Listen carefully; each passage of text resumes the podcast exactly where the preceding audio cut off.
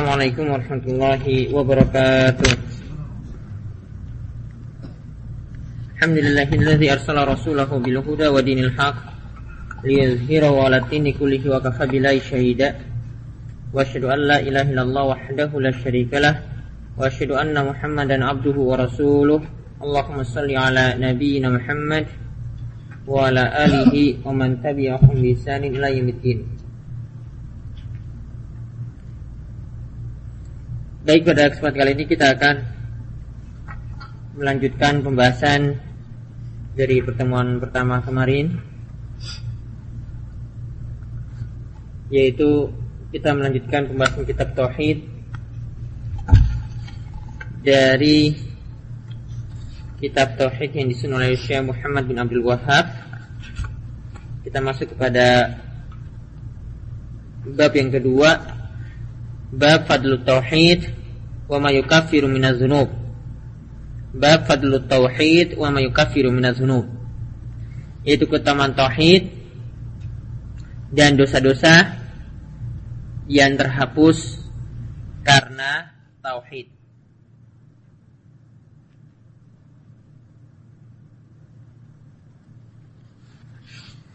Jadi kalau pada bab pertama kemarin kita membahas tentang makna tauhid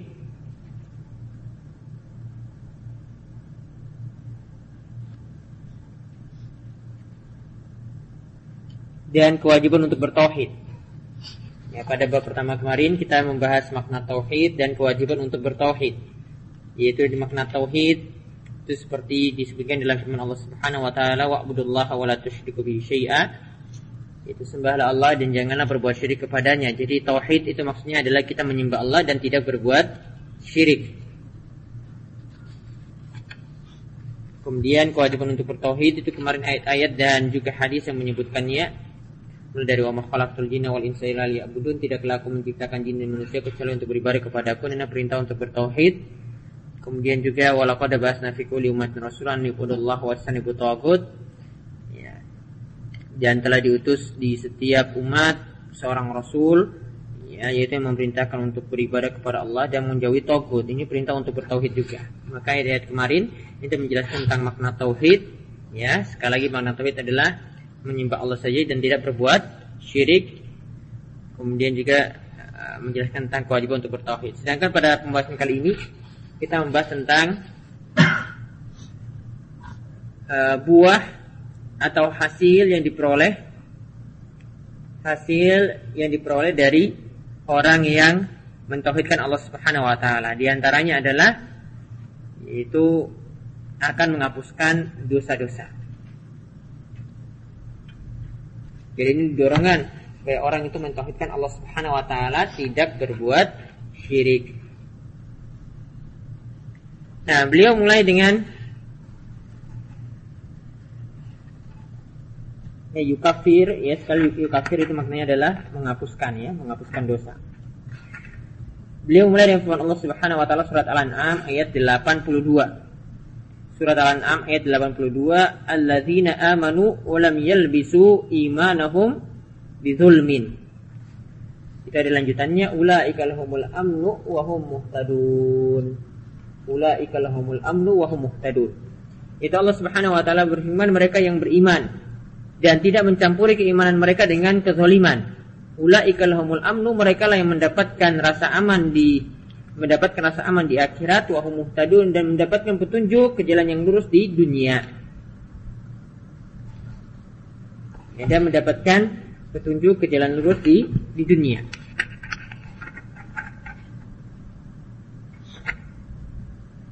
Yalbisu itu mencampuri ya. Walam yalbisu itu mencampuri mencampuri tauhid mereka dengan zulmin. Zulmin di sini maknanya adalah syirik. Karena uh, yang namanya zalim itu adalah menempatkan sesuatu bukan pada tempatnya. Orang yang berbuat syirik itu disebut orang yang berbuat zalim. Karena mereka yang menjadikan ibadah itu bukan pada tempatnya. Harusnya ibadah itu hanya untuk Allah, tapi mereka jadikan ibadah yang namanya tumbal, ya yang namanya sajenan, ya mereka malah jadikan kepada selain Allah Subhanahu wa taala yang mereka malah jadikan kepada selain Allah Subhanahu wa taala. Eh, maka disebut zalim. Ya. Dan kata Luqman kepada anaknya, "Inna syirka la zulmun azim." Sungguhnya syirikan itu adalah kezaliman yang amat-amat besar.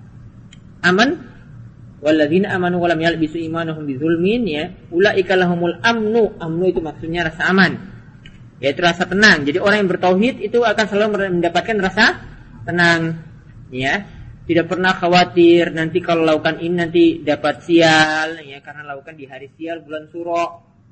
Ya nanti kalau bangun rumah itu seperti ini ya nggak kasih kasih tanam jimat-jimat dulu ya. Itu nanti malah jadi ya rumahnya nanti malah kemasukan setan malah nanti rumahnya itu kemasukannya macam-macam. Ya malah mudah dirampok ya malah mendapatkan kejelekan-kejelekan. Kalau orang yang bertauhid hatinya itu selalu merasa tenang ya dan hilang rasa was-was ataupun khawatir. Wa muhtadun ya yaitu orang, orang yang bertauhid itu mendapatkan petunjuk yaitu petunjuk ke, ke jalan yang lurus di di dunia. Jadi ayat ini menerangkan bahwasanya orang yang bertauhid kepada Allah yang mengikhlaskan ibadah yang menunjukkan ibadah itu hanya untuk Allah Subhanahu wa taala semata dan tidak mencampuri keimanan mereka dengan kesyirikan, mereka lah yang mendapatkan rasa aman, itu tidak pernah merasa ya khawatir, rasa takut ya. Nanti pada hari kiamat nanti wa muhtadun dan mereka lah yang mendapatkan petunjuk di dunia ke jalan yang lurus. Jadi ayat ini menerangkan tentang keutamaan tauhid ya, keutamanya seperti tadi ya tidak ada rasa khawatir dan juga mendapatkan rasa aman mendapatkan petunjuk. Kemudian juga menerangkan bahwa kesyirikan itu adalah kezoliman. Kemudian kalau dengan kita itu bertauhid itu mendapatkan rasa aman, ya mendapatkan petunjuk. Berarti kalau berbuat syirik, ya berarti tidak mendapatkan rasa aman dan tidak mendapatkan petunjuk. Sebaliknya, kalau tidak mendapatkan petunjuk berarti kalau berbuat syirik ya dosanya kalau dibawa mati tidak diampuni. Kemudian menunjukkan juga bahwa kesyirikan itu ya mengakibatkan kita punya rasa takut di dunia, penuh rasa khawatir sana sini, nggak bisa lakukan macam-macam kalau mau mantan, mau lakukan hajatan, perlu lihat tanggal baik dulu ya. Kalau orang yang bertauhid tidak punya rasa khawatir seperti itu. Begitu dia juga di akhirat dia tidak pernah punya rasa khawatir, dia hanya berharap pada Allah Subhanahu wa taala semata. Kemudian yang kedua, beliau bawakan hadis dari Ubadah bin Samit Ubadah bin Samit bin Qais al-Ansari al-Khazraji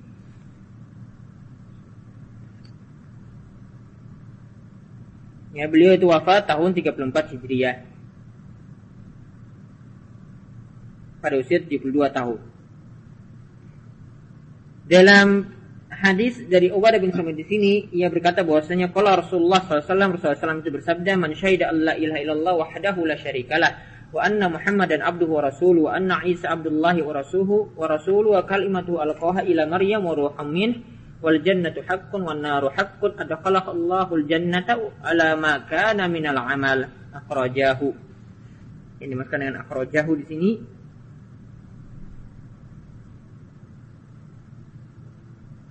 yaitu hadis ini dikeluarkan oleh Bukhari, Muslim, Tirmizi dan Ahmad.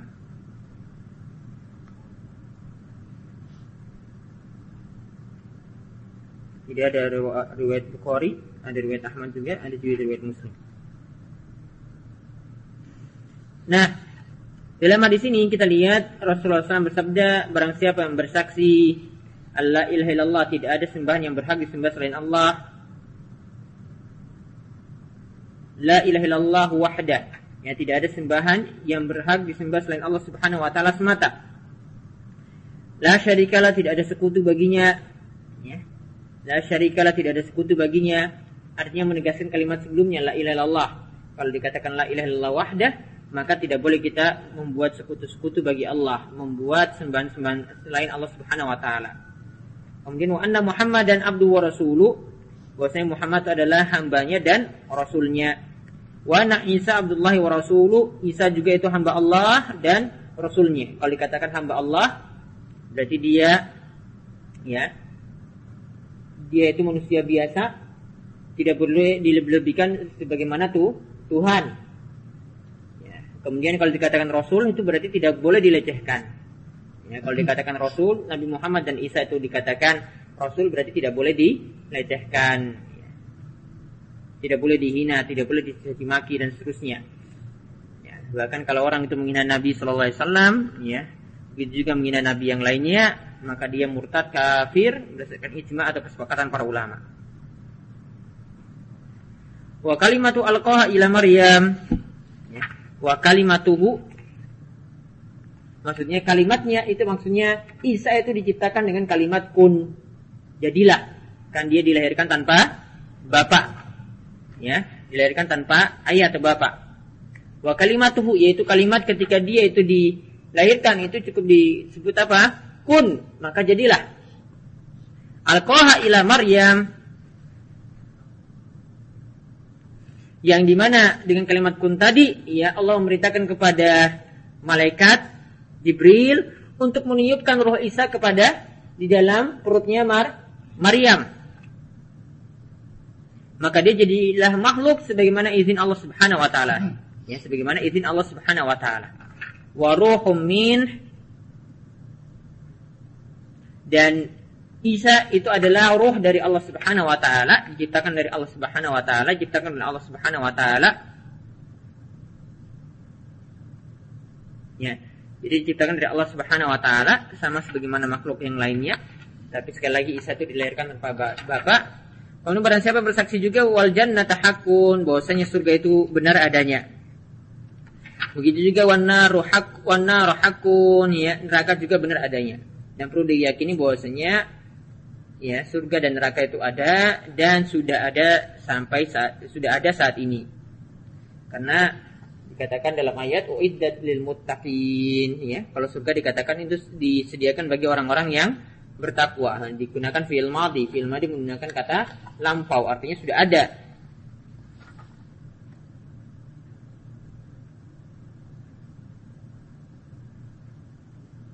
Jadi tidak boleh ragu-ragu lagi bahwasanya nanti kita akan di orang yang beriman akan mendapatkan surga dan orang-orang yang membangkang itu akan disiksa dalam neraka. Itu harus seorang muslim itu meyakini. Kemudian ada khalaqallahul jannah karena dia tadi ya bersaksi bahwasanya tidak ada sembahan yang berarti disembah selain Allah dan tidak sekutu baginya Muhammad itu adalah Muhammad adalah hamba Allah dan Rasulnya Isa juga demikian hamba Allah dan Rasulnya. Wa kalimatu alqaha dan kalimatnya itu ditiupkan kepada Maryam yaitu kalimat kun itu kepada Maryam wa dan ruh Isa itu berasal dari Allah. Ya wal jannatu wal jannatu hakun ya Wan bahwasanya neraka bahwasanya surga itu ada dan wan nar bahwasanya neraka itu ada kalau meyakini demikian adkhalahullahu jannata ala ma kana minal amal yaitu Allah akan memasukkannya ke dalam surga ya ala ma kana minal amal apa pun amalnya. Jadi kalau dia itu bertauhid tadi, ya dah, meyakini yang demikian demikian, maka dia akan masuk ke dalam surga apa pun amalnya. Ini bisa ada dua makna. Ya, ala makana minal amal ini ada dua makna ya. Apa pun amalnya ini ada dua makna. Yang pertama, dia itu orang yang bertauhid itu pasti masuk surga apa pun dosanya. Pasti itu masuk surga apa pun dosanya. Walaupun dia itu orang yang ya sering melakukan dosa, ya, dia nanti akan tak masuk surga. Kemudian makna yang kedua, dia itu masuk surga juga. Tapi apa alam makanan amal tergantung amalannya. Kalau tadi apa pun amalnya ya kan? Kalau ini tergantung amalnya. Jadi dia masuk surga nanti tingkatan dia di surga itu tergantung amalannya. Kalau amalannya itu banyak, baik, ya, maka dia akan berada di tingkatan surga yang lebih tinggi. Tapi kalau dia itu orang yang meremehkan ya, yaitu dia bermaksiat juga, maka tergantung amalannya juga nanti. Jadi ini maksudnya alam makan amal amal bisa makanya dua. Apa pun amalnya artinya apa? Apa pun dosa yang dia lakukan tetap masuk surga. Atau yang kedua tergantung amalnya. Jadi bisa dimaknakan dua ya. Apa pun amalnya, jadi walaupun dia itu lakukan maksiat apa pun selama eh, selain kesyirikan dan kekufuran tetap masuk surga. Atau tergantung apa? Amalannya.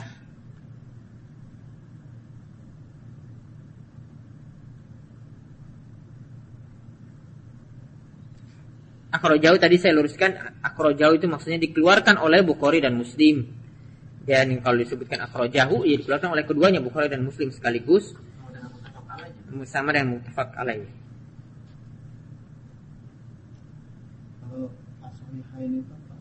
Sama. Sahihain Bukhari Muslim. Nah, jadi di sini yang menunjukkan beberapa hal yang pertama keutamaan tauhid dan tadi katakan alamaka minal amal apa? Ya, apa pun amalnya. Itu berarti apa? Bahwasanya tauhid itu bisa menghapuskan do, dosa. Dia akan masuk surga. Ya, apa pun dosanya. Ya, selama itu bukan kesyirikan ataupun kekufuran. Kemudian yang kedua, luasnya karunia Allah Subhanahu wa taala. Dan bagaimana Allah Subhanahu wa taala itu berbuat baik kepada hambanya walaupun dia itu orang yang meremehkan dengan berbuat dosa tapi karena dia mentauhidkan Allah Subhanahu wa taala ya, Allah Subhanahu wa taala itu memaafkan dosa-dosanya tadi. Ini semua tergantung dari apa? Karunia dari Allah Subhanahu wa taala. Kalau Allah itu menghendaki dia itu diampuni ya diampuni. Kemudian ini juga tadi kalau dikatakan wa Muhammad, uh, Muhammad dan abduhu wa rasuluhu anna Muhammad dan abduhu wa rasuluhu wa anna Isa Abdullahi wa Rasuluh. Ini menunjukkan bahwasanya kita tidak boleh tadi dikatakan katakan hamba berarti apa? Itu tidak boleh berlebihan, tidak boleh sampai diangkat sebagai Tuhan, ya. Sebagaimana orang-orang Nasrani itu berlebihan kan terhadap Isa.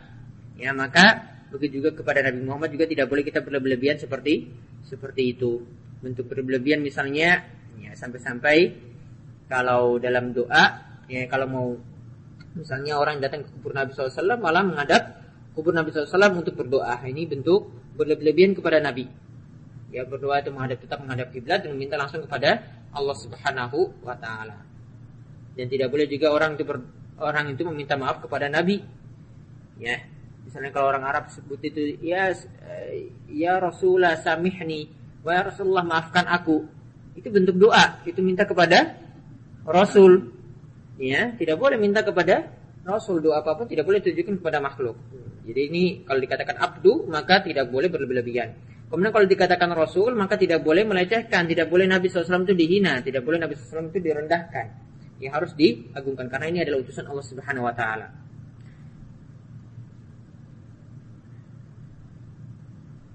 Ya, kemudian sama dengan larangan apa Rasulullah mengatakan sayyid itu ya. Jangan menyebut sayyid ya. Iya. Sama maknanya Sama, tapi ada pembahasan sayyid sendiri. Kalau pembahasan sayyid, ya kalau sayyid itu masih dibolehkan selama ya, tidak menganggap berlebihan dan tidak ada kata sayyidina di dalam sholat. Kalau di luar sholat boleh. Ya, nanti ada pembahasannya di sini. Kemudian ini juga menunjukkan bahwasanya akidah tauhid itu menyelisih agama-agama yang telah menyimpang, yang agama-agama yang telah berada dalam kekafiran yaitu Yahudi dan Nasrani. Jadi mereka yang tidak tauhid itu sangat mengagungkan Allah Subhanahu wa taala, ya tidak menyebutkan Allah Subhanahu wa taala dengan selainnya. Kemudian ini juga menunjukkan bahwasanya orang yang bertauhid yang bermaksiat ya. Tadi kan apa pun amalnya ya kan? Ya, jadi orang yang bertauhid yang bermaksiat ya, dia itu tidak kekal dalam neraka ya dia itu nanti akan masuk surga. Boleh jadi Allah itu maafkan dosanya dia itu langsung masuk surga karena tauhidnya yang begitu kuat. Dan boleh jadi ya dia disiksa dalam neraka. Intinya orang yang bertauhid namun bermaksiat ya itu dia tidak kekal dalam neraka. Tapi kalau orang yang berbuat syirik syiriknya syirik akbar syirik besar ya sudah kekal dalam neraka. Tidak ada dia mampir-mampir sementara di situ kemudian nanti masuk surga nggak ada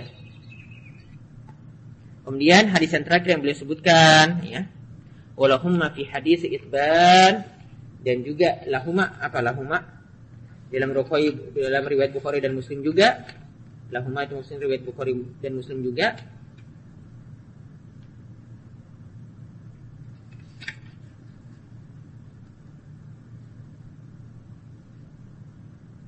Masih ada beberapa hadis ya Dan dalam riwayat Muslim juga dikatakan fa innallaha haram 'alan nari man qala la ilaha illallah yabtagi bidzalika wajh Allah.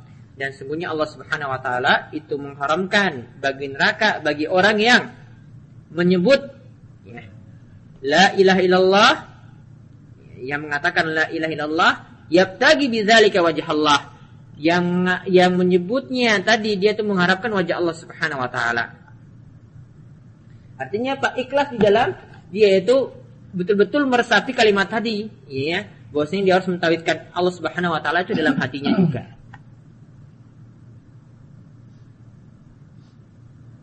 Namun sekali lagi di sini kalau dikatakan mangkola barang siapa yang mengatakan ini bukan hanya ucapan kalimat tahlil aja atau rajin tahlilan bukan. Ya. Ini bukan seperti itu. Kalau dikatakan menyebut kalimat la ilallah uh, barang siapa yang mengatakan uh, mengatakan la ilaha menyebut kalimat la ilallah ini juga ada konsekuensinya. Ya, ada konsekuensinya yang harus dia penuhi. Dia menyebut kalimat la ilaha illallah juga harus dia ya, bukan hanya menyebut tapi dia harus meninggalkan berbagai macam bentuk kesyirikan dan beribadah kepada Allah Subhanahu wa taala semata. Jadi bukan hanya di lisan. Jadi memenuhi konsekuensinya juga. Jadi bukan hanya amalan lahiriah di lisan saja tapi juga amalan batin di hati. Kalau di lisan ucapkan demikian, tapi nanti dia itu malah lakukan sesajenan, malah lakukan kekuatan, malah lakukan yang syirik-syirik, ya, maka tidak ada gunanya apa yang diucapkan dalam lisannya. Ini juga hadis ini ya, menyebutkan tentang uh, keutamaan tauhid. Bahkan nanti uh, dia akan diharamkan masuk neraka jika dia memiliki tauhid yang benar. Kemudian yang kedua, catatan penting yang perlu diperhatikan bahwasanya tidak cukup ucapan dalam lisan. Ya. Tanpa ada keyakinan dalam hati. Karena kalau di lisan saja dia ucapkan namun hatinya itu masih yakini yang syirik-syirik, maka ini seperti halnya orang munafik. Orang munafik kan beda antara lahiriah dengan batinnya. Kemudian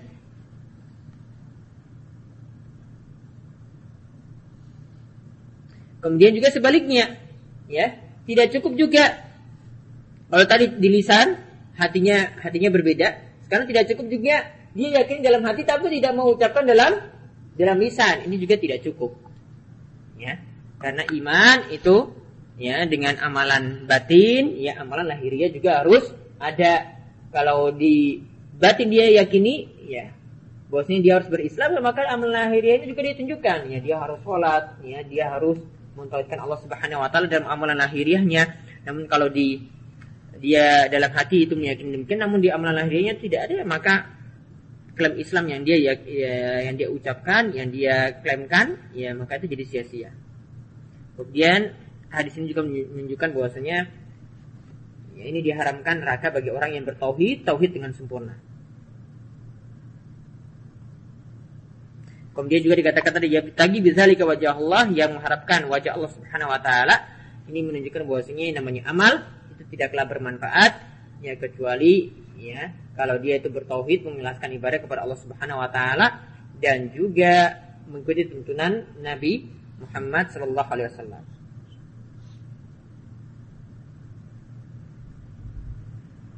Kemudian hadis ini juga menunjukkan adanya wajah Allah Subhanahu wa taala. Itu di antara sifat Allah adalah wajah.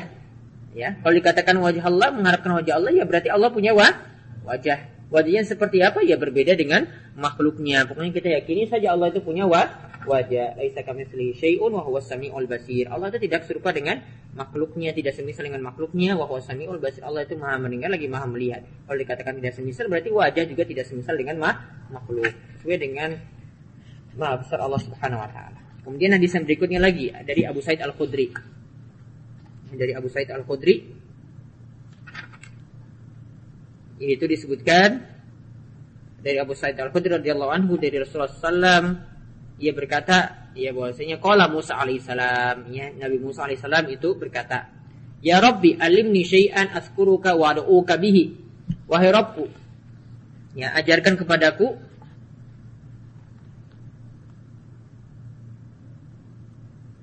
Askuruka yang nanti aku bisa memuji-mujimu ya. wad'uka bihi dan juga bisa berdoa dengan ya dengan pujian tersebut kepadamu. Berarti ini menunjukkan bahwasanya ya bahwasanya kalau kita mau berdoa, kita bisa tawasul dengan ya nama-nama Allah Subhanahu wa taala atau tawasul dengan amalan. Ya, dengan amalan soleh. Kita bisa tawasul dengan nama-nama Allah atau tawasul dengan amalan so soleh. Yang tidak boleh seperti tawasul dengan orang yang sudah ma mati. Misalnya dia sebut ya dalam doanya ya Allah dengan kedudukan mulia dari dari Pak Kiai ini atau dari Syekh Abdul Qadir Jailani atau dengan kedudukan mulia dari ya wali ini ya.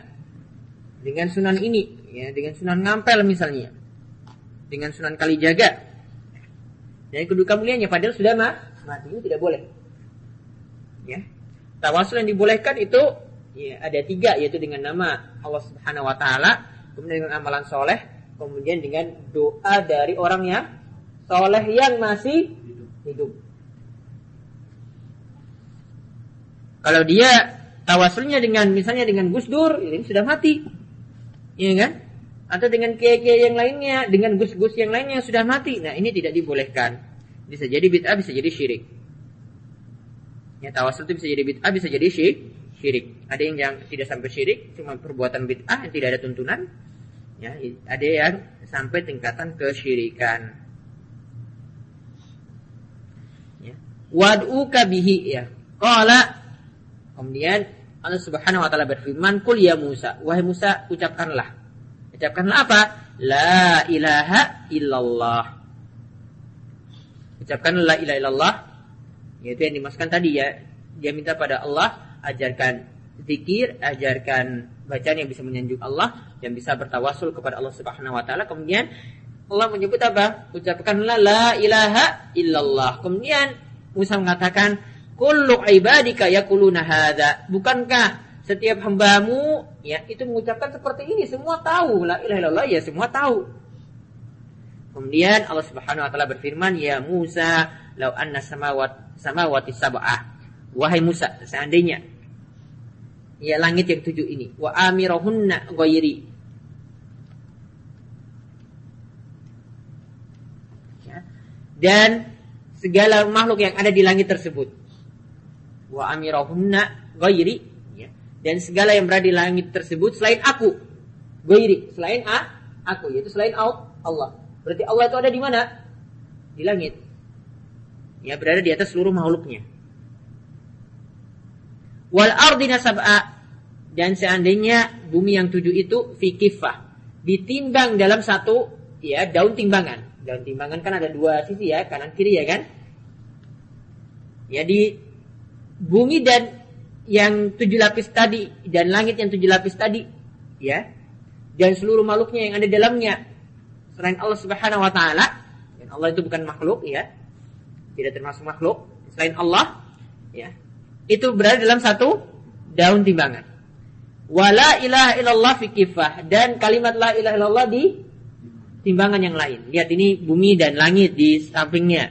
Dan kalimat la ilallah di sampingnya maka Allah Subhanahu wa taala katakan malat bihinna la ilaha illallah. Maka akan apa? Berat timbangan yang ada kalimat la ilaha illallah tadi. Ya, tidak ada bandingannya tadi coba kalimat la ilaha illallah. Jadi walaupun simpel sampai Musa mengatakan tadi apa? Semua orang tuh tahu kalimat la ilaha illallah. Tapi di sini coba lihat. Yang karena saking utamanya kalimat tersebut bisa mengalahkan timbangan yang berisi langit dan bumi dan seisinya. Di sini diriwayatkan oleh Ibnu Hibban, wal Hakim, Wasahahu dan Hakim mensahihkannya, wali Tirmizi dan Imam Tirmizi dan Imam Tirmizi itu mengasankannya. Jadi di sini menunjukkan bagaimana keutamaan kalimat la ilaha illallah atau kalimat tauhid. Kalimat tauhid itu adalah kalimat la ilaha illallah. Juga di sini juga menunjukkan keutamaan Musa alaihissalam. Kemudian hadis ini juga menunjukkan bahwasanya ibadah ya ibadah apa pun itu ya harus dilakukan dengan syariat dari Allah. Jadi tidak boleh yang namanya hamba, yang namanya makhluk, yang namanya manusia itu membuat syariat-syariat sendiri.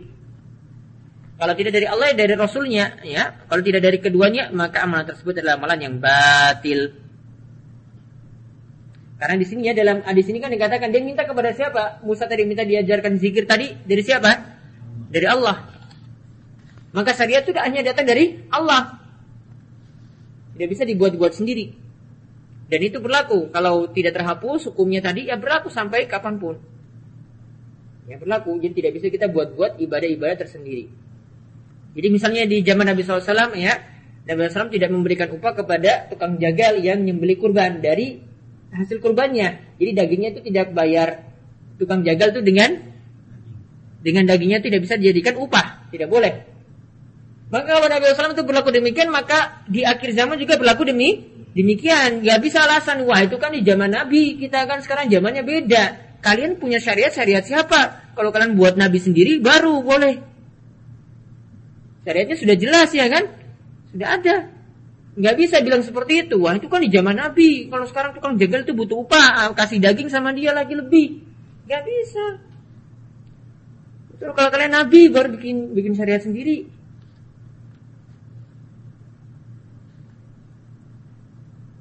Kemudian ini juga hadis tadi juga menunjukkan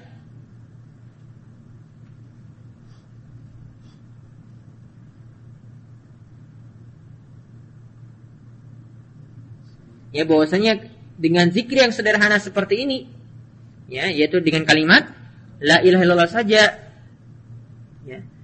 Bahwasanya dengan kalimat yang sederhana kita bisa mendapatkan pahala yang luar biasa. Kemudian yang berikutnya lagi hal ini hadis ini menunjukkan tadi ya bahwasanya Allah itu berada di atas langit. Karena dikatakan wa amirohunna ghairi tadi dikatakan bahwasanya tujuh lapis langit tadi ya.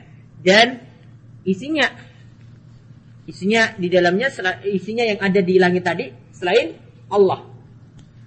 Berarti Allah itu ada di atas atas langit. Ya, di atas seluruh makhluknya.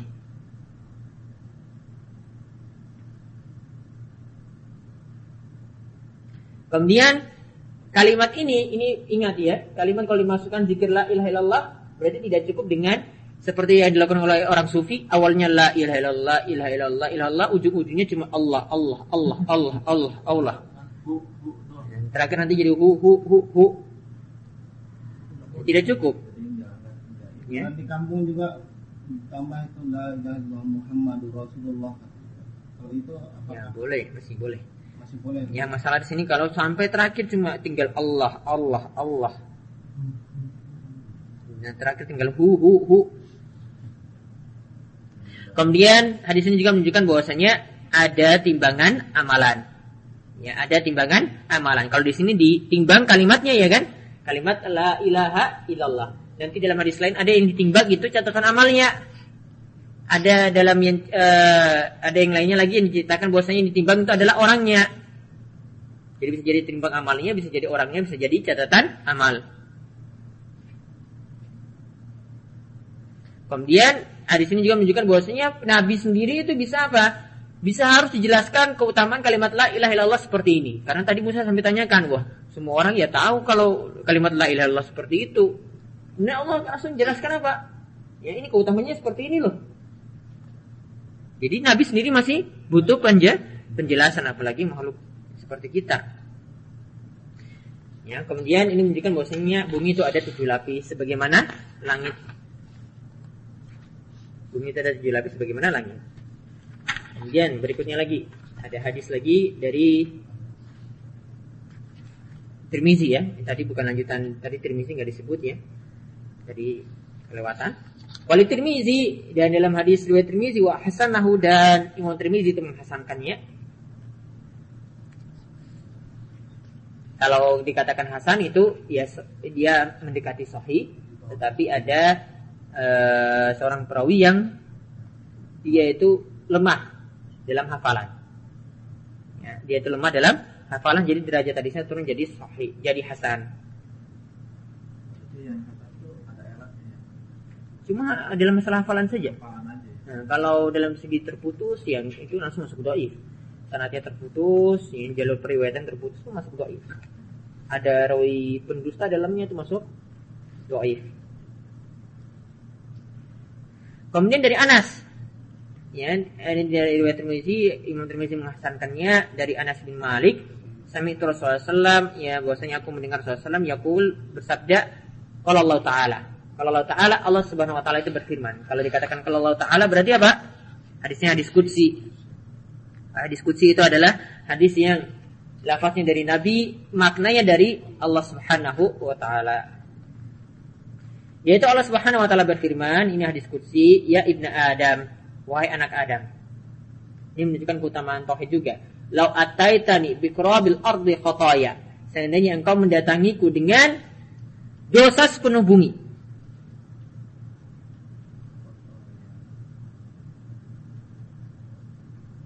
Ya, dosa sepenuh bumi. Ini tadi, ya, kaitannya nanti dengan tadi ya, di awal dikatakan Tauhid itu menghapuskan dosa. Ini dikatakan di sini. Dia bawa dosa sepenuh bumi. Ini bukan satu dua dosanya, bukan satu mangkok, bukan ini dosa sepenuh bumi ini. Summa lakitani la tusyriku bi syai'a. Lalu dia mendatangiku, la tusyriku bi syai'a dan ia tidak berbuat syirik sedikit pun denganku.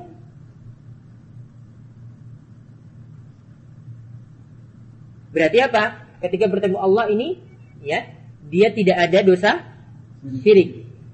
Berarti kalau dulu pernah lakukan sesajenan, lakukan ruatan, kasih tumbal untuk jembatan, tapi bertobat gimana? Berarti sudah dima dimaafkan.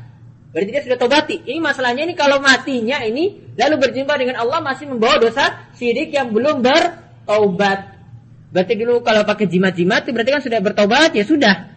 Ya. Dulu biasanya pakai pelet biar ditaksir ya. Sekarang tobat, pakai susu sudah tobat juga. Nah itu kan berarti sudah terhapus ya kan? Karena orang yang Nabi SAW katakan Ataib nazam kamalazam balahu. Ya, orang yang bertobat dari dosa seperti dia tidak berbuat dosa sama sekali. Tidak pernah berbuat dosa itu lagi. Nah ini masalahnya dikatakan lagi tani dia bertemu bertemu bertemu denganku, ya menjumpaiku. Artinya apa?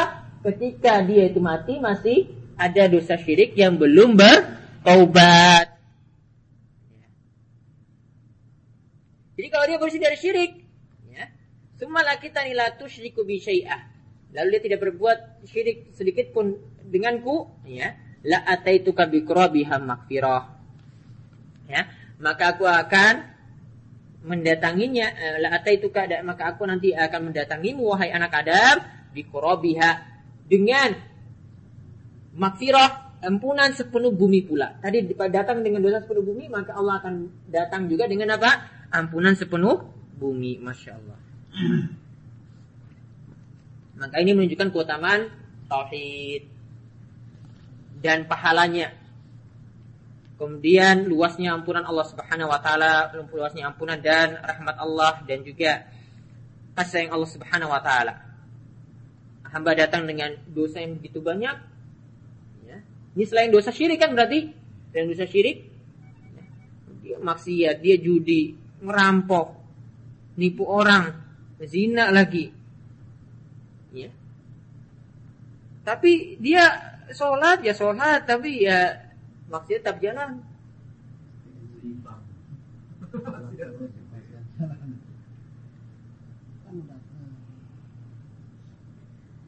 Kemudian hadis ini juga adalah bantahan untuk orang-orang khawarij yang menyatakan bahwasanya pelaku dosa besar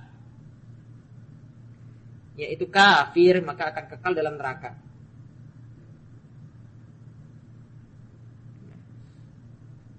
Pelaku dosa besar itu kafir. Ya, orang kafir itu meyakini pelaku dosa besar itu kah? kafir nanti kekal dalam neraka. Maka ini bantahan di sini. Selama ya tadi dosanya kan berarti ya, dosa besar dosa kecil ini campur dalamnya sepenuh bumi selain kesyirikan. Itu saya bisa diampuni. Itu saya bisa diampuni. Maka ini tidak benar pemahaman Khawarij yang menyatakan bahwasanya kafirnya pelaku dosa besar. Kemudian tadi dikatakan kalau Allah Taala, maka ini menunjukkan bahwasanya Allah itu ya punya sifat kalam berbicara. Ya Allah juga ber, berbicara. Tadi dikatakan Allah itu punya wajah, ini dikatakan sifat yang lainnya Allah itu juga ber, berbicara. Allah berbicaranya itu bagaimana? Ya. ya. Bentuknya itu gimana? Selama tidak dijelaskan, ya kita yakini maknanya, ya. Dan tidak boleh kita takwil, tidak boleh kita selewengkan maknanya, dan tidak boleh kita sifat, uh, sifatkan sama dengan makhluk. Kemudian ini juga menunjukkan makna kalimat la ilaha illallah karena di sini dikatakan la tusyriku bi syai'a ya la ilaha illallah artinya tidak berbuat syirik kepada Allah sedikit pun.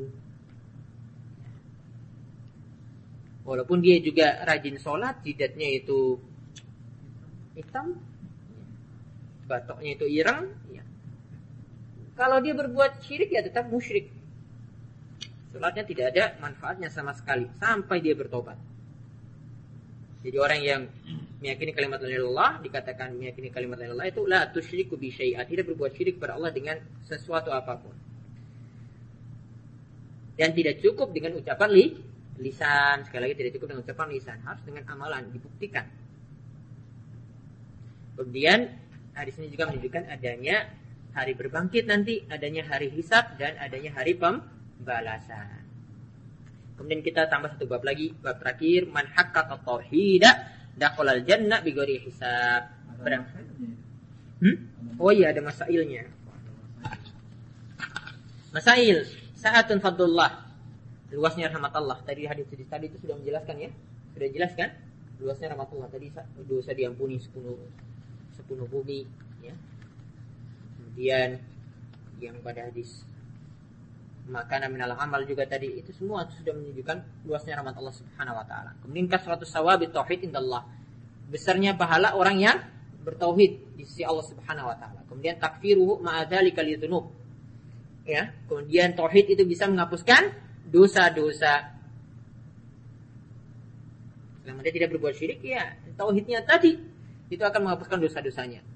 Sudah dijelaskan juga dalam hadis-hadis dan ayat tadi yang di awal. Kemudian yang keempat tafsirul ayat alati fi suratul an'am yaitu tafsiran ayat juga yang terdapat dalam surat Al-An'am tadi yaitu ayat yang pertama tadi apa yang dimaksudkan dengan alladzina amanu wa lam yalbisu imanahum bizulmin ulaika lahumul amnu wa hum muhtadun itu tafsirannya juga dilihat dari hadis-hadis setelahnya. Kemudian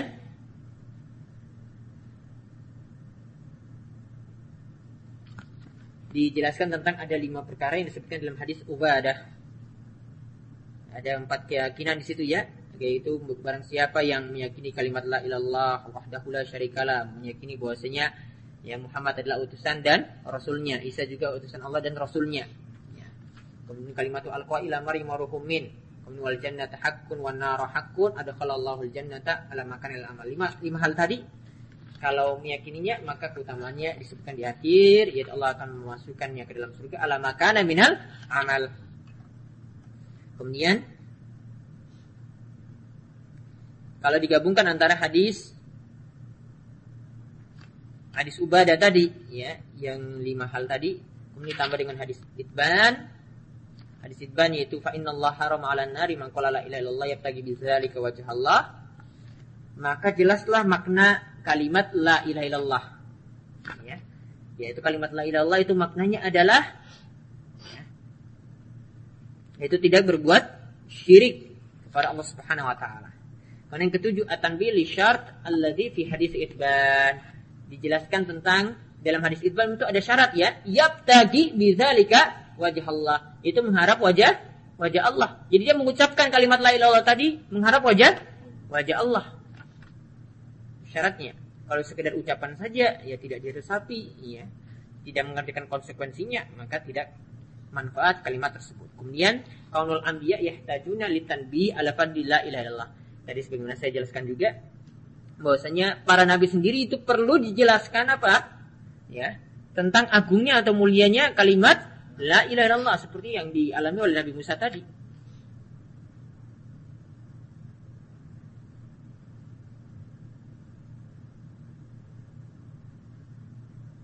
Kemudian ini juga menjelaskan tentang akan bi tentang diingatkan bahwasanya kalimat la ilallah itu sudah bisa mengalahkan apa beratnya seluruh makhluk yang ada di langit dan bumi. Bumi itu ada, langit itu ada, ditambah dengan makhluk-makhluk yang dalamnya sudah mengalahkan semuanya. Kemudian yang ke-10 an-nasu ala annal ardina sabu kasamawat ya bahwasanya bumi itu ada tujuh lapis sebagaimana lah langit. Kemudian anna lahunna imaran bahwasanya langit ya anna lahunna langit dan bumi itu punya mah, makhluk yang ada dalamnya. Kemudian isbatus sifat khilafan lil asy'ariyah Ya, kita menetapkan adanya sifat bagi Allah. Tadi katakan yabtagi bidzalika wajah Allah, Allah memiliki sifat wajah. Kemudian tadi juga dikatakan bahwasanya ya wa amarahunna ghairi. Ya, bahwasanya Allah itu sifatnya itu menetap tinggi di atas langit. Ya, ini juga sifat. Kita menetapkan sifat. Tidak sebagaimana kaum Asy'ariyah yang menetapkan sifat itu cuma berapa? 20. Sifat itu begitu banyak. Ya, sifat itu begitu banyak nama Allah Subhanahu wa taala yang diperintahkan untuk dihafalkan ya yang di arsafi maknanya itu 99 itu yang utama. Tapi lebih daripada itu bukan hanya 99 apalagi sifat sifat turunan dari nama atau ada sifat tersendiri ya. Itu juga sangat banyak sekali. Kemudian jika kalian mengetahui hadis Anas dan juga tadi sudah disebutkan tentang hadis Itban ya maka nanti akan jelas tadi kalau hadis Anas kan dikatakan ya summa kita nila tusyriku bi syai'a. Bahwasanya dia datang kepada Allah tidak berbuat syirik sama sekali. Berarti syirik apa pun ya amalan lahiriah dia tidak tidak lakukan perbuatan syirik sama sekali. Kemudian hadis Ibn dikatakan mangkola la ilaha illallah. Ya mangkola la ilallah berarti siapa mengucapkan? Berarti yang dimasukkan dengan hadis Ibn itu bukan hanya ucapan di lisan tapi juga harus diwujudkan dalam bentuk amalan. Dia meninggalkan kesyirikan juga. Nah, juga dijelaskan tentang tadi apa maksud digabungkannya Isa dan Muhammad tadi dikatakan abduhu wa rasul. Maksudnya tadi sudah jelaskan. Kemudian tadi juga dia dijelaskan ya, dikhususkan Isa dengan bikaunihi kalimatullah. Isa itu dikatakan kalimatullah. Kalimatuhu alqaha ila Maryam Ya Isa itu diciptakan dengan kalimat kun. Kemudian Isa juga dikatakan tadi ruham minhu, ruhum ruhum min. Bahwasanya Isa itu ruhnya diciptakan oleh Allah. Itu juga dijelaskan tadi tentang keutamaan beriman kepada surga dan neraka. Surga dan neraka itu sudah ada. Juga tadi sudah disebutkan juga alam makana minal amal, apa pun amalnya, ya. Itu tadi maknanya seperti itu atau apa yang kedua? Alam makana minal amal tergantung amalannya. Kemudian menjelaskan juga bahwasanya timbangan itu punya dua daun tadi ya. La ilallah di samping, kemudian bumi dan langit dan seluruh makhluk yang dalamnya juga di sampingnya. Kemudian di sini juga disebutkan marifatu zikril wajhi bahwasanya Allah itu punya wajah. Ini kita tambahkan. Karena tidak cukup dengan membahas bab tadi. Ya. Kalau kita katakan bahwasanya wah kita lakukan maksiat aja seenaknya gitu ya. Yang penting kan tidak berbuat syirik pasti masuk surga atau dosa-dosanya itu diampuni. Maka beliau tambahkan lagi dengan bab berikutnya. Kalau mau lebih sempurna, maka tinggalkan juga maksiat. Ini maksud bab berikutnya ini. Man bab man haqqaqa tauhida al jannah bi ghairi hisab.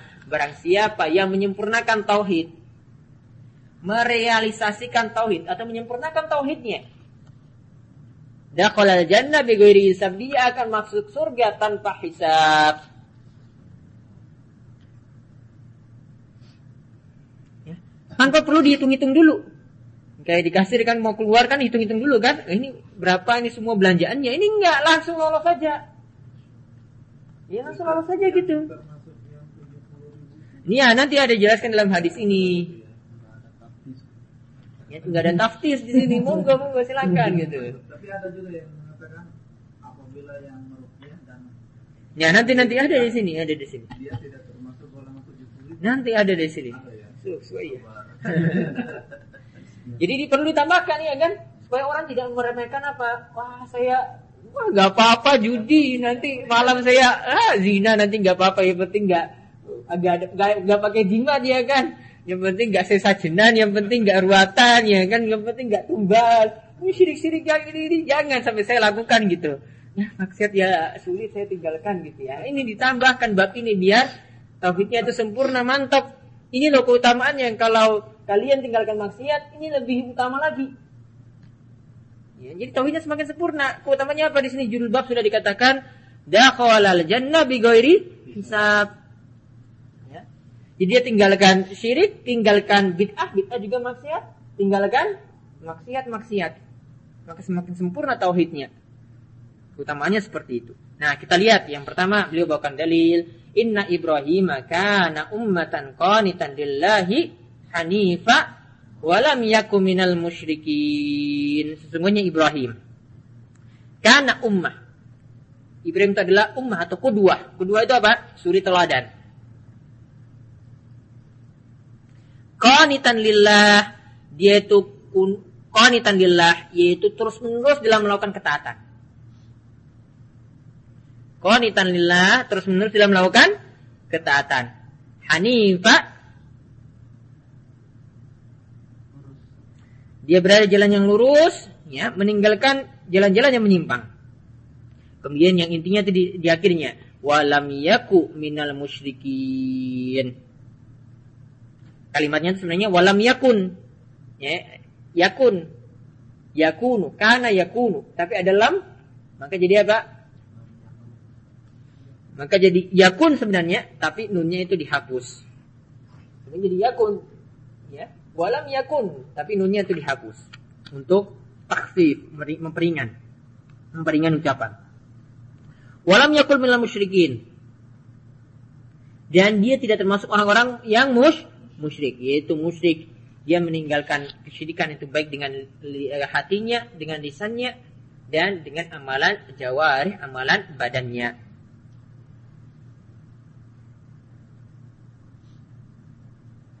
Kemudian dalam ayat selanjutnya lagi dikatakan waqala ta'ala Allah Subhanahu wa taala berfirman walladzina hum bi rabbihim la yusyrikun. Dan dan mereka terhadap Rabb mereka la yusyrikun tidak berbuat syirik sama sekali. Maka ayat ini, ayat-ayat tadi itu menjelaskan keutamaan Ibrahim. Nabi Ibrahim dikatakan tadi kedua suri toladan Jadi teladan dalam kebaikan.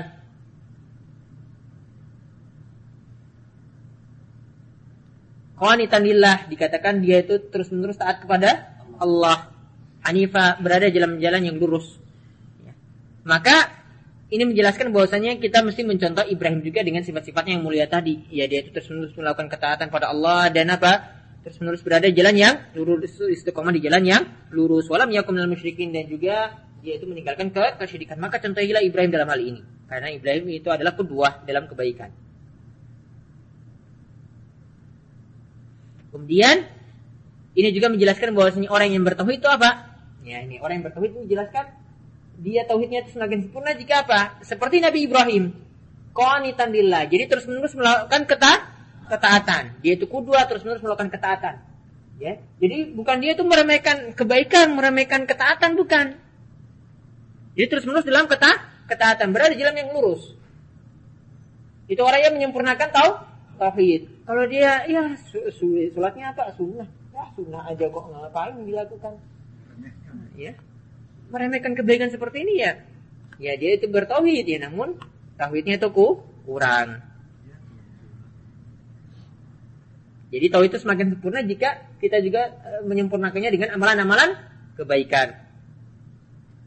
Kemudian kalau dikatakan tadi walam yakum minal musyrikin, kemudian juga dikatakan walazina hum bi rabbihim la yusyrikun, maka ini menunjukkan bahwasanya kewajiban kita untuk menjauhi berbagai macam kesyirikan dan juga menunjukkan bahwasanya kita hendaklah menjauhi juga orang-orang mus musyrik. Kalau menjauhi orang-orang musyrik ya nonton acara kemusyrikannya, kalau tidak dalam memberi, dalam rangka memberi nasihat ya juga tidak dibolehkan. Ya. Seperti itu itu bentuk wujud dari kita menjauhi menjauhi kesyirikan, maka kita juga harus juga menjauhi pelaku-pelaku kesyirikan.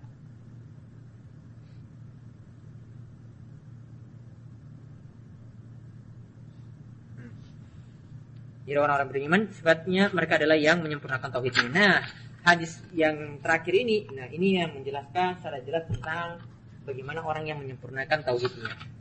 Kita lihat. Yaitu hadis ini yang panjang dari Hussein bin Abdurrahman. Hussein. Bukan pakai sini ya, pakai sod. Nah, dari Hussein bin Abdurrahman Husain bin Abdurrahman As-Sulami Abul Fuzail Al-Kufi orang Kufah Sikkah.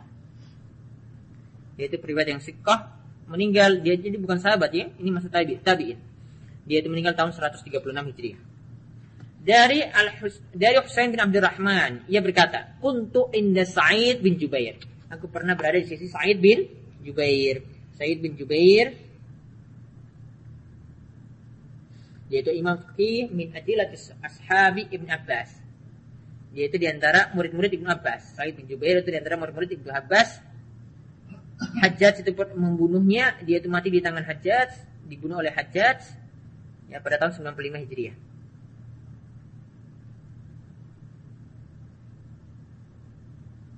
Dan dia meninggal tidak sampai berusia 50 tahun. Jadi kuntu in, in, inda Said bin Jubair, aku pernah berada di sini Said bin bin Jubair. Jadi sama-sama tabiin ya. Mereka diskusi di sini. Pokoknya dan dia tanya kepada Said bin Jubair, ayyukum ra'al kaukaba alladhi inqaddal bariha? Apakah engkau melihat bintang yang semalam itu jatuh? di malam hari. Apakah engkau tadi malam itu melihat bintang yang jatuh? Kemudian fakultu ya. Jadi Said bin Jubair tanya kepada Husain tadi kemudian Husain menjawab, ya. Anak. Fakultu anak. Maka aku menjawab, ya saya. Jadi Said bin Jubair tanya, ya tanya pada orang-orang Ya. Adakah di antara kalian yang melihat bintang jatuh semalam? do itu artinya jatuh ya. Sakoto jatuh. Bariha itu malam. Summa kultu kemudian Husain itu menjawab ya. Amma ini lam akun fi salatin walakinni ludiktu. Namun perlu diingat, ya saya itu tadi malam lihat lihat bintang jatuh. Ini malam hari kan? Kalau orang di malam hari kan kebiasaannya sholat malam. Tapi dia biar orang-orang tuh nggak nuduh dia, wah berarti kamu malam itu berarti sholat malam ya sampai kamu bisa lihat bintang jatuh, ya kan? Biar dia tidak dituduh am, e, melakukan amalan seperti itu, artinya kan dia nggak melakukan amalan semacam itu ya kan? Jadi dia counter, dia sanggah dulu. Oh namun saya memang lihat tadi malamnya, tapi ingat ya, ama ini lam akun fi sholat. Aku sendiri ya sebenarnya tidak melakukan sholat tahajud semalam. Jadi langsung di dibantah. Oh, jangan kalian tuduh, jangan kalian menduga bahwa saya itu saya, saya tadi malam itu sholat malam gitu ya. Jadi dia langsung ini uh, mengelak gitu ya biar orang itu tidak apa tidak mengatakan yang sebenarnya amalan yang tidak dia lakukan. Kalau kita mungkin wah sudah biarin aja sudah wah aku tadi malam itu bangun malam itu apa bangunnya cuma pipis saja gitu kan bilang bangun gitu ya atau kedinginan jadi kaget bangun gitu ya. Pipis gitu pindah pindah tempat. Dia sudah counter duluan biar orang nggak tuduh macam-macam. Jadi ini menunjukkan bahwasanya ya kalau kita tidak melakukan amalan seperti yang amalan-amalan kebaikan semacam itu ya harus kita jelaskan biar orang itu tidak ya memuji kita padahal kita tidak melakukan amalan semacam itu.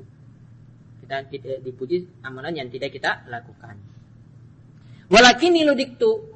Tapi aku semalam itu ludiktu aku tersengat kalajengking. Aku tersengat binatang punya ya, yaitu akrab, yaitu kalajengking.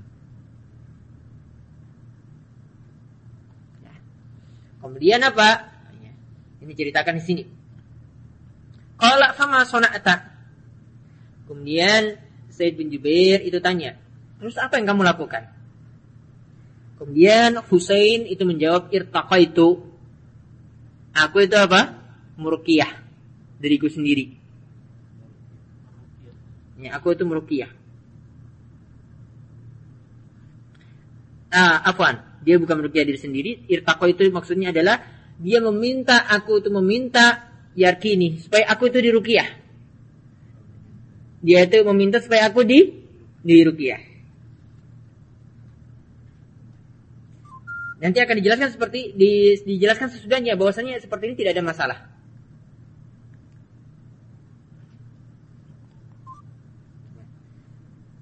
Nanti akan jelaskan sebenarnya. Dia katakan maksudnya aku itu minta di di rukiah. Iya, terserah sengat ya. Jadi dia minta ya, bukan dia merukiah diri sendiri ya.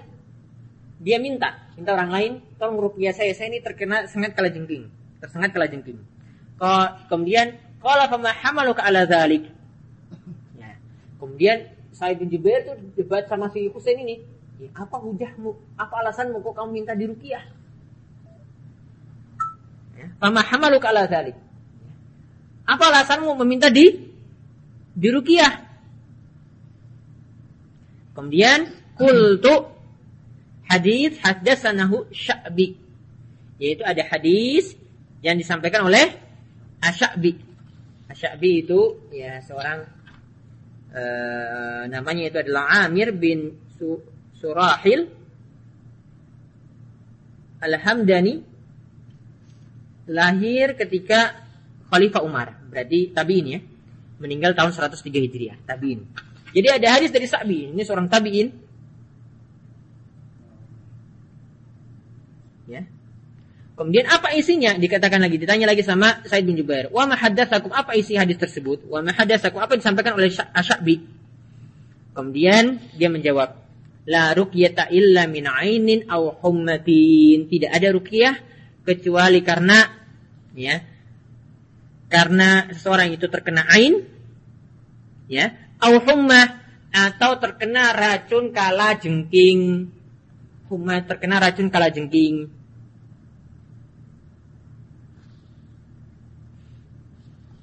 Nah hadis ini itu hadis yang dari Sya'bi itu riwayat Ahmad dalam musnadnya juga Ibnu Majah dalam sunannya dari hadis Buraidah radhiyallahu anhu dirikan oleh Muslim juga maukufan yaitu maukuf sampai perkataan Buraidah saja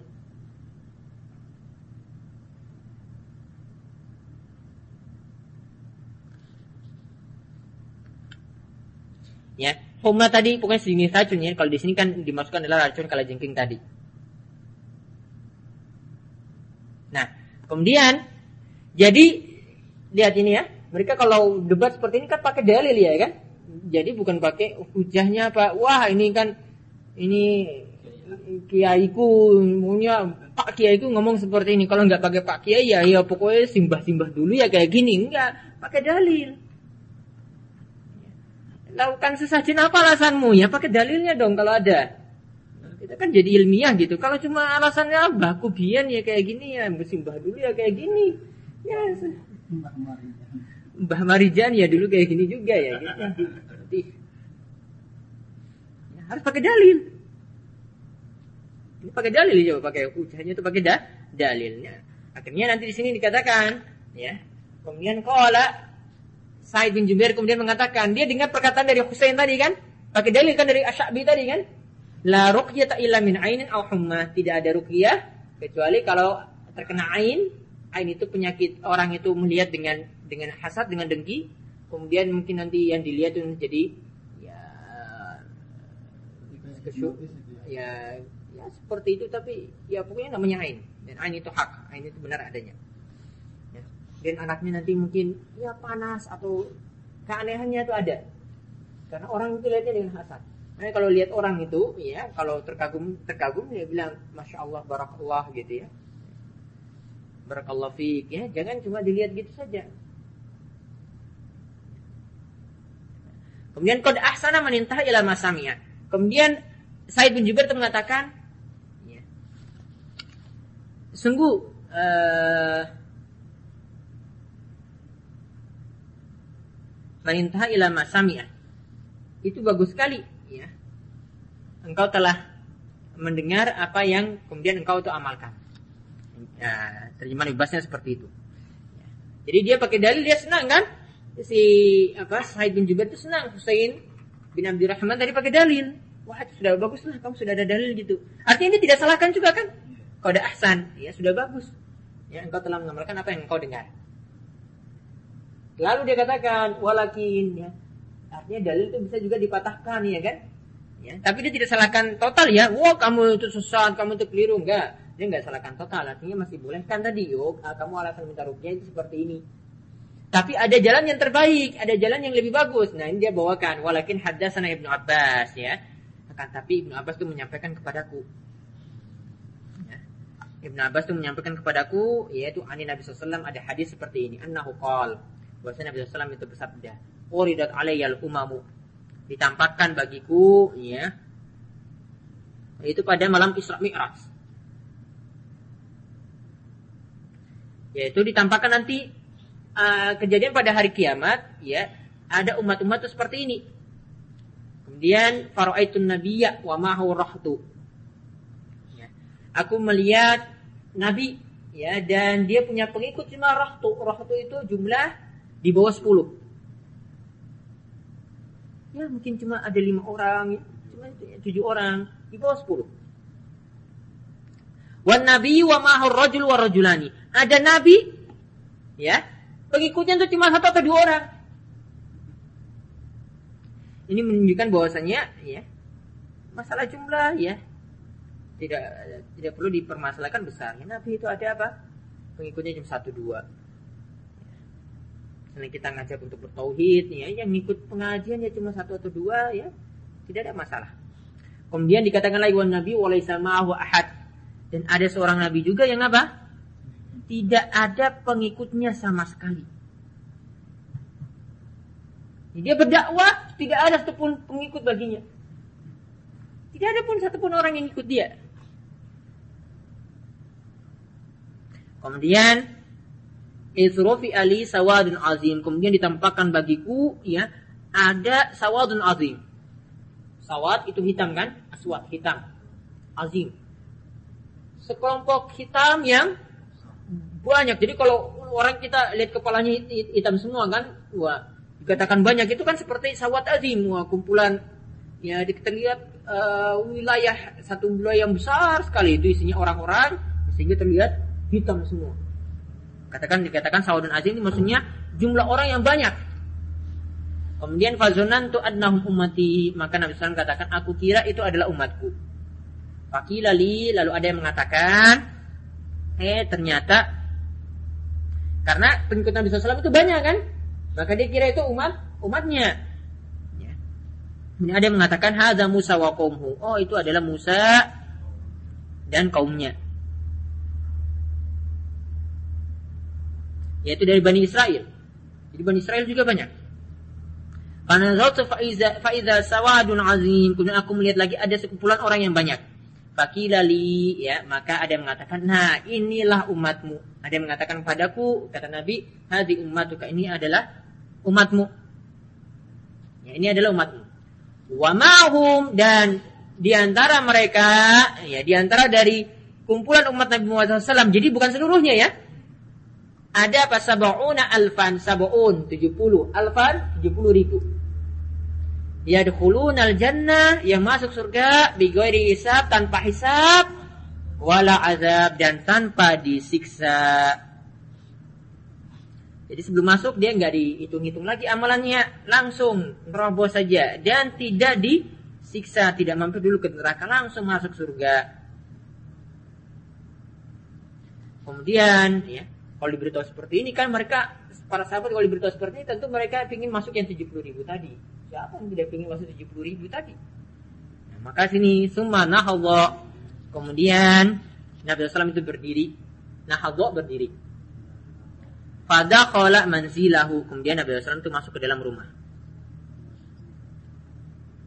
Jadi sudah cerita tadi berdiri kemudian masuk dalam rumah. Fahadha an-nasu fi ulaik. Kemudian orang artinya akhirnya apa? Diskusi tentang masalah tadi. Tadi siapa 70 ribu orang tadi ya? Apa ciri-ciri mereka ya? Kemudian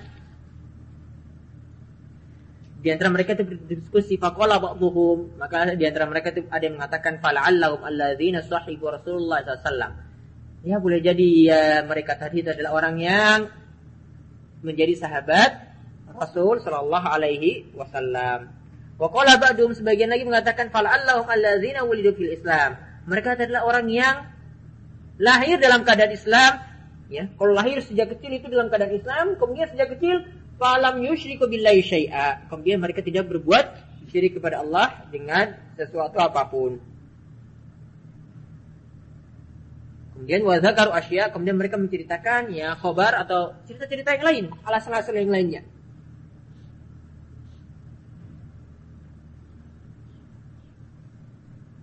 Jadi 70 ribu tadi itu bukan hanya Allah pilih 70 ribu tadi pasti ada amalannya. Kemudian Fakhraj alaihim Nabi SAW itu menemui mereka lagi keluar menemui mereka Fakhraj alaihim Rasulullah SAW Nabi SAW itu keluar menemui mereka Fa'akbaruhu Kemudian Nabi SAW itu menceritakan apa yang dimaksud. Ya fa'akbaruhu Ya maaf. Fa'akbaruhu itu artinya Kemudian para sahabat itu Tadi membicarakan hasil diskusi mereka. Tadi kan mereka katakan itu adalah 70 ribu tadi adalah sahabat Nabi atau orang yang lahir dalam keadaan Islam kemudian tidak pernah berbuat syirik sedikit pun.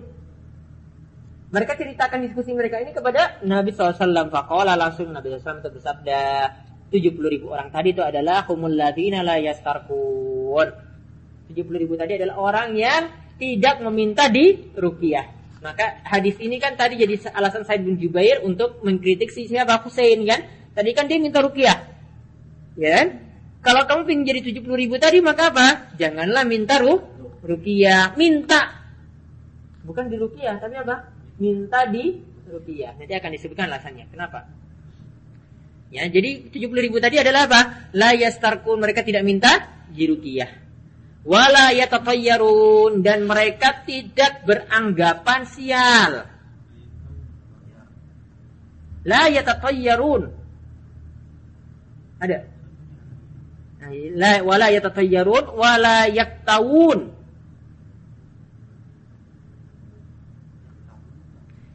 Kalau la yat wala yatatayyarun mereka tidak beranggapan sial tidak nganggap bulan suro itu sial, tidak nganggap bulan sawal itu siap, di sial, tidak nganggap itu bulan, tidak nganggap kalau lewat kuburan ini itu nanti ini harus bunyikan klakson dulu biar nanti enggak diganggu sama setannya. Enggak punya anggapan-anggapan seperti itu.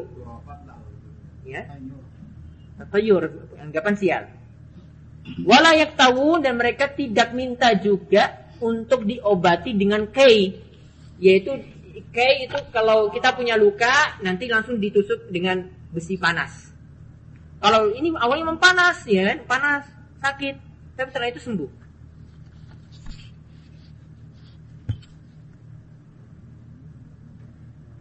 Nah, kesimpulannya ya, kesimpulannya itu di perkataan yang terakhir. Tadi mereka tidak minta di rukia, tidak beranggapan sial, tidak minta di kei, disebutkan dengan cara tadi ya.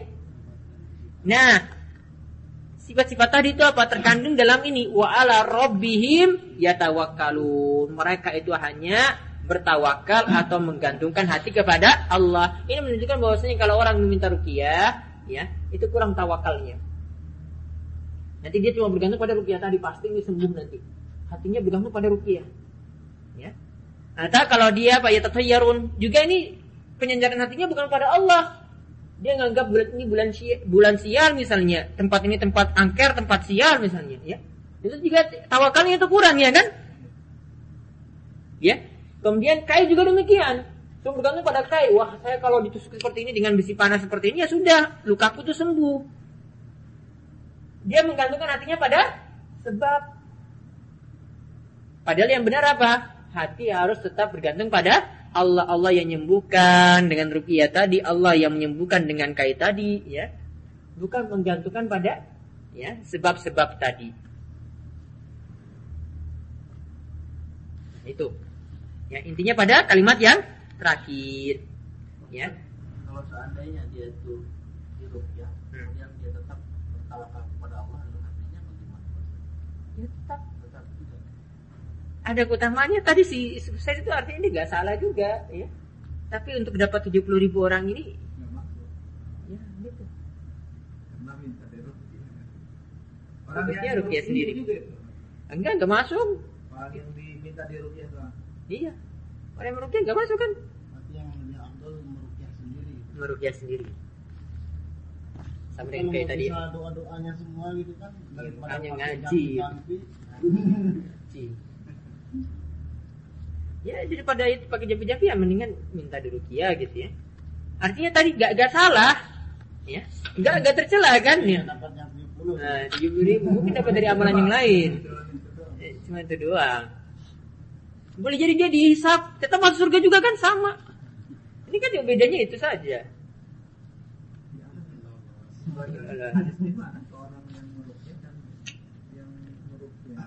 Nah, jadi sudah. Kemudian wazakaru asya. Kemudian para sahabat eh, kemudian sudah ter, tadi umul lazina yasarkum wala yatatajarun wala wala yabtagun wala rabbihim tawakkalun. Kemudian faqama ustasya. 70 ribu orang tadi kan para sahabat pasti ingin kan? Jadi mereka semangat ya. Ini, ini tanda itu berlomba-lomba dalam kebaikan. Bukan berlomba-lomba ingin nonton konser, bukan berlomba-lomba untuk ya cari makan saja gitu. Kebaikan diraih ini saya ingin masuk seperti itu juga. Jadi mau berlomba-lomba Ukasa bin Misal kemudian berdiri. Ya, fakal dia mengatakan pada Nabi alaihi wasallam, "Allah ayaj'alani minhum." Ya, mintalah pada Allah wahai Nabi. Jadi dia tawasul dengan Nabi kan? Supaya Nabi itu berapa pada Allah? Nabi masih hidup atau sudah mati?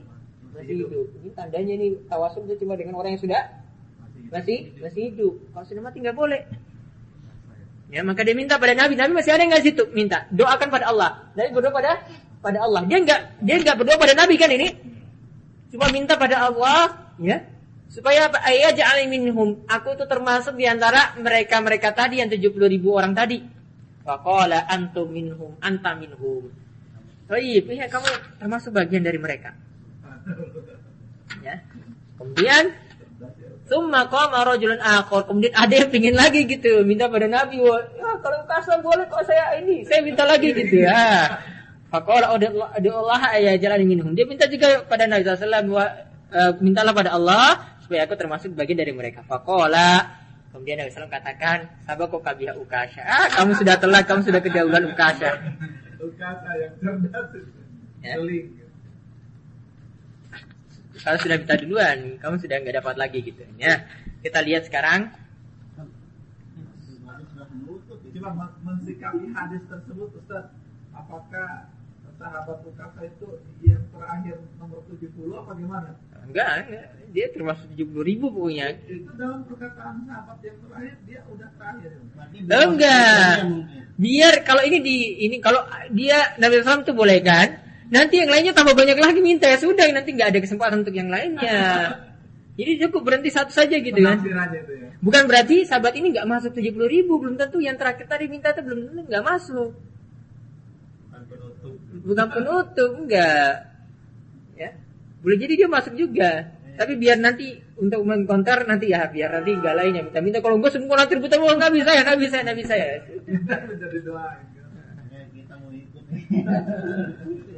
Nah. Kemudian kita lihat faedah-faedahnya. Kemudian di dalam bab ini ada faedah ma'rifatu maratibin nas tauhid bahwasanya orang yang bertauhid itu bertingkat-tingkat. Ya, orang yang bertauhid itu yang bertingkat-tingkat karena dikatakan ada orang yang menyempurnakan tauhidnya, artinya tidak berbuat maksiat juga enggak berbuat, bid'ah juga enggak berbuat, ya. Dia bertingkat-tingkat, ada yang tauhidnya sempurna, ada yang masih maksiat, ya, ada yang masih berbuat bid'ah. Kemudian mama anak tahqiquhu. Ya, ini juga jelaskan apa maksud tahqiq, menyempurnakan atau merealisasikan tauhid. Kemudian yang ketiga sana'uhu subhanahu ala Ibrahim bikaunhi lam yakum minal musyrikin. Pujian Allah kepada Nabi Ibrahim bahwasanya Nabi Ibrahim tidak termasuk orang-orang yang musyrik. Kemudian juga sana'uhu ala sadatil auliya ya. Pujian Allah kepada ya wali-wali wali-wali Allah Subhanahu wa taala yang utama bahwasanya mereka selamat dari kesyirikan. Tadi katakan dalam ayat yang kedua itu ya. Yaitu walladzina hum birabbihim la yusyrikun.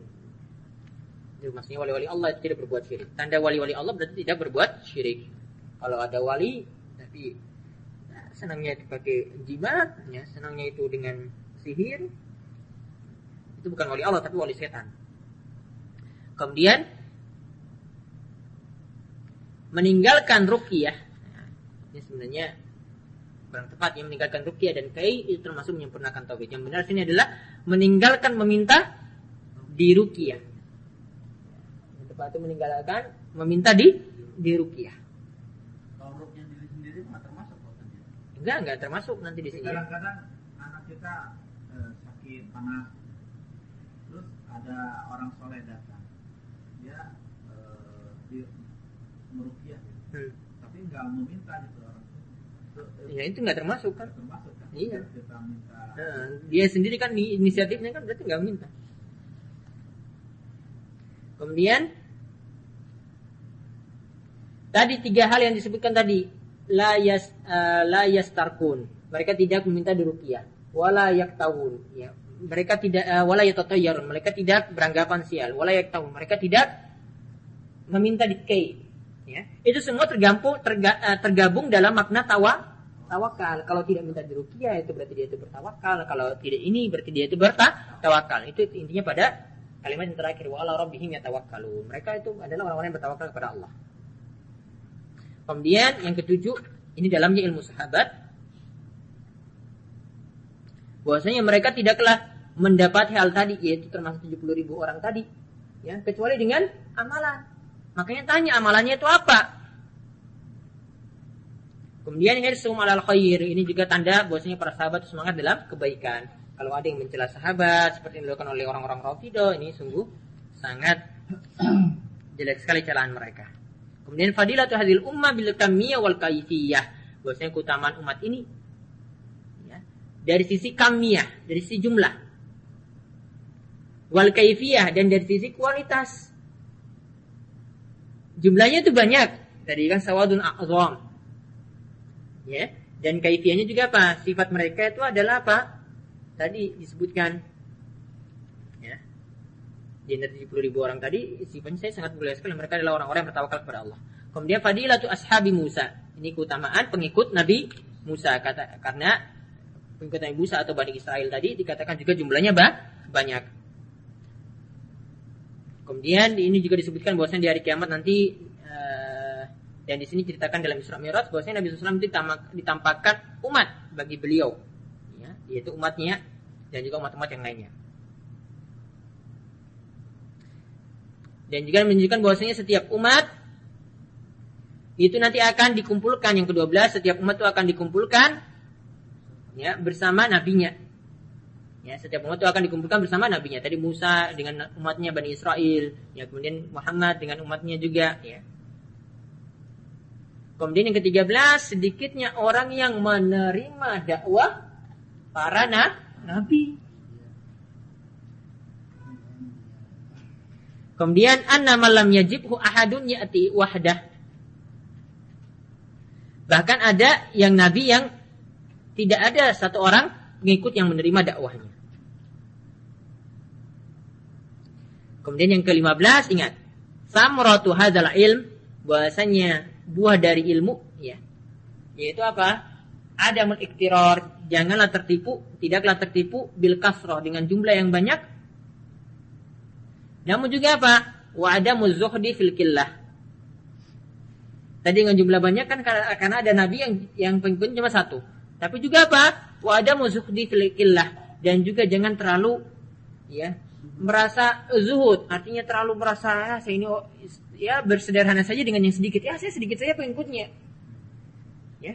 Jadi jangan terlalu bangga dengan yang banyak juga ya. Jangan ya kalau sedikit pasti benar gitu. Enggak. Jadi ada keriaan. gitu. I- iya ada kriaan kalau sedikit pasti benar enggak juga. Standarnya juga boleh belum tentu ukuran. Kemudian aruksa fi ruqyah minal aini wal humma ada keringanan jika rukyahnya itu karena sebab ain atau humma tersengat kala kala jengking tersengat racun ya seperti itu. Boleh ada keringanan. Kemudian umku ilmi salaf liqaulihi qad ahsana man intaha ila sami'a. Dalamnya ilmu para salaf yaitu para sahabat. Bahwasanya hadis tadi tadi kan dikatakan qad ahsana man intaha ila sami'a walakin kaza kada ya maka hadis pertama tadi dari Husain yang dia katakan dari eh, dari Asy-Sya'bi ya, itu sebenarnya tidak bertentangan dengan hadis yang ke kedua, tapi cuma menunjukkan mana yang utama ya kan? Mana yang utama. Jadi kalau minta rukyah juga sebenarnya tidak masalah. Tapi menunjukkan mana yang utama sebaiknya ya jangan mau masuk 70 ribu orang enggak. Yang intinya itu enggak enggak masalah kan? Enggak berdosa juga kan? Enggak dikatakan berdosa di situ. Gak masuk itu mau nggak masuk yang ini biar lebih dapat yang lebih utama. Kemudian bu'du salaf an madhi al insan bima laysa fihi. Nah ini jauhnya para salaf ya dari pujian ya dari pujian yang sebenarnya dia tidak memiliki. Tadi yang mana kisahnya? Dia itu tidak mau dipuji seperti itu. Kalau dia tidak lakukan. Si Hussein kenapa? Iya bangun malam itu. Kenapa? Dia bangun malam. Dia bukan ingin lakukan sholat malam, tapi karena tersengat kelajengking. Kemudian yang ke 19, qaulu anta minhum. Ya. Dikatakan sekarang kan ukasa, kamu nanti masuk 70 ribu tadi. Berarti kan ini apa? Ini tanda kenabian Nabi, ke, uh, tanda nubuah, kenabian. Kalau Nabi tahu nanti di hari kiamat ukasa masuk. Kemudian yang ke-20 ini menunjukkan keutamaan ukasa. Karena kenapa? Dia termasuk 70 ribu tadi.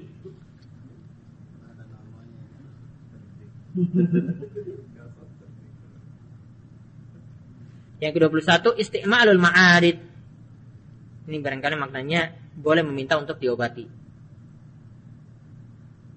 Kemudian yang ke-22 22 husnul khuluqi sallallahu alaihi wasallam. Baiknya akhlak Nabi sallallahu alaihi wasallam.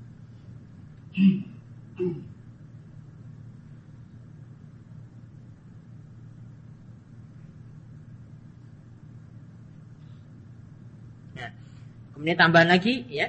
Tadi dikatakan bahwasanya kan tadi Hussein kan berdalil seperti itu. Kemudian dikatakan dia beramal itu karena apa? Hadis dari Asyabi. Ya, tadi Said bin Jubair minta mana dalilmu ya kan?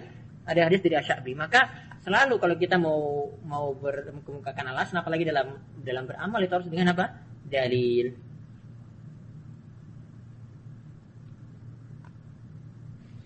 Jadi di sini juga menunjukkan bahwasanya kita penting untuk mengikuti dalil dan beramal dengan dalil tersebut.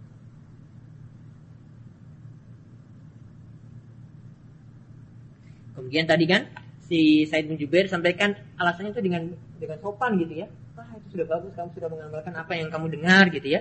Kemudian disampaikan akan tapi gitu ya. Enggak langsung nyala-nyalakan kan? Enggak. Tapi disampaikannya dengan sopan. Maka di sini juga ada keutamaan menyampaikan ilmu dengan cara yang baik. Kemudian juga masih boleh sebenarnya rukiah masih boleh. Ya. Meminta di rukiah ya ini yang sebenarnya yang, yang kurang oh utama. Ada yang lebih utama yaitu kita merukiah tanpa di tanpa meminta atau ya merukiah diri sendiri.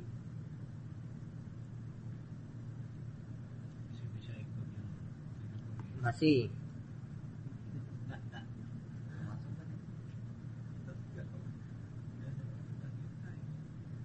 kalau seandainya Pak Ustaz hmm. itu dia minta duduknya sebelum dia tahu hadis ini bagaimana?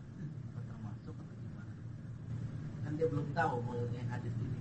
Ada uh, anjuran atau larangan. Baru ingin tobat dan minta ya lagi. Siapa tahu. Amalan yang apa? Uh, yang amalan yang masuk surga tanpa hisab itu bukan hanya amalan tadi ya. Bisa juga dengan amalan yang lainnya. Ya bisa juga dengan amalan yang lainnya ya mudah-mudahan dengan amalan yang lainnya dia mendapati kelompok tersebut banyak berdoa kepada Allah saja ya supaya bisa juga termasuk golongan yang sama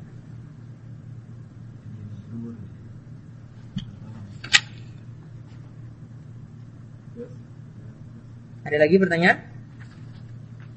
Uh, tadi dari bab yang kedua. Hmm uh, antara Nabi Musa dengan Allah. Hmm. itu mengucapkan itu apakah melalui lisan uh, malaikat Jibril atau langsung? Itu kan disampaikan dari Nabi. Nabi ceritakan tentang Musa dialog Musa dengan dengan Allah tadi. Jadi Nabi yang yang tahu. Jadi Rasulullah. Hmm. tidak tapi ada, hadis Rasulullah tidak ada tidak ada. Iya. Nabi yang yang sampaikan. Dan hadis Nabi ya juga wahyu dari Allah. Umayantiki wanil hawa dan Nabi SAW tidak mengucapkan ya dengan hawa nafsunya semata. Berarti umat-umat Nabi Musa itu ya? hanya Nabi yang di itu setelah dia lahir Nabi gitu. Jadi dia zamannya penjelasan juga. Enggak, enggak ada penjelasan bahwa Nabi tahu juga, kan dia tahu. Berarti umatnya juga tahu kalau Nabi Musa Tapi keutamaannya itu kok bisa besar seperti itu kan nggak tahu. Iya, doang. Iya, keutamaan yang besar seperti itu. Mungkin tahu keutamanya juga, tapi kok eh, bisa mengalahkan timbangan langit dan bumi dan seisinya gitu kan? Mungkin belum belum ini dan harus dijelaskan. Seandainya tahu mah frekuensinya la ilaha illallah itu Nabi mungkin pengikutnya berlimpah. Jadi tadi ditolak yang tuh setelah ukasa tadi ya, itu karena Nabi ingin menghalangi biar yang lainnya itu nggak minta lagi karena siapa tahu nanti ada yang tidak berhak, ya, tidak berhak masuk 70 ribu tadi, tapi dia minta didoakan gitu, nanti Nabi doakan lagi. Ya, jadi sudah ditutup. Yang pantasnya cuma ukasa yang Nabi kira. Ya, biar yang lain, ya, yang nanti nggak pas. Masalah lafaz la ilaha illallah eh, cuman yang mantapnya pas di terakhir mau Ah. meninggal ya. Sebentar, tadi dikatakan istiqmalul ma'arid, ma'arid itu maksudnya tadi Nabi SAW sampai menolak ya.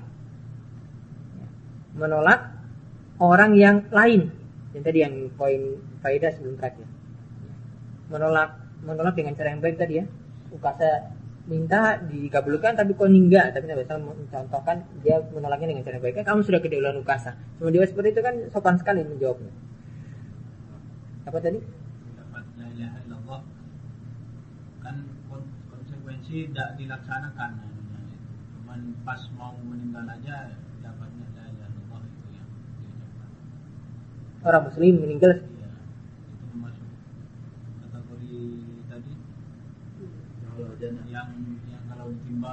ikut di situ Fikifah. Tidak. Eh, alam makanan dan amal. Tadi ada dua makna kan? Dia bisa masuk surga. Ya. Dia kolal jannah mangkolal mangkana akhiru kal- eh, akhiru kalami la illallah dia kolal jannah barang siapa yang akhir perkataannya adalah kalimat la illallah maka dia akan masuk surga. Bisa jadi mak- maknanya itu adalah dia masuk surga memang. Tapi disiksa dulu. Disiksa dulu atau boleh jadi karena kehendak Allah juga diampuni karena keyakinannya begitu kuat terhadap kalimat tersebut. Ya. Atau tadi, ya, dia ucapan tersebut juga sama kalimat la ilallah, tapi nanti di surga nanti ke kedudukannya tergantung dengan amalannya.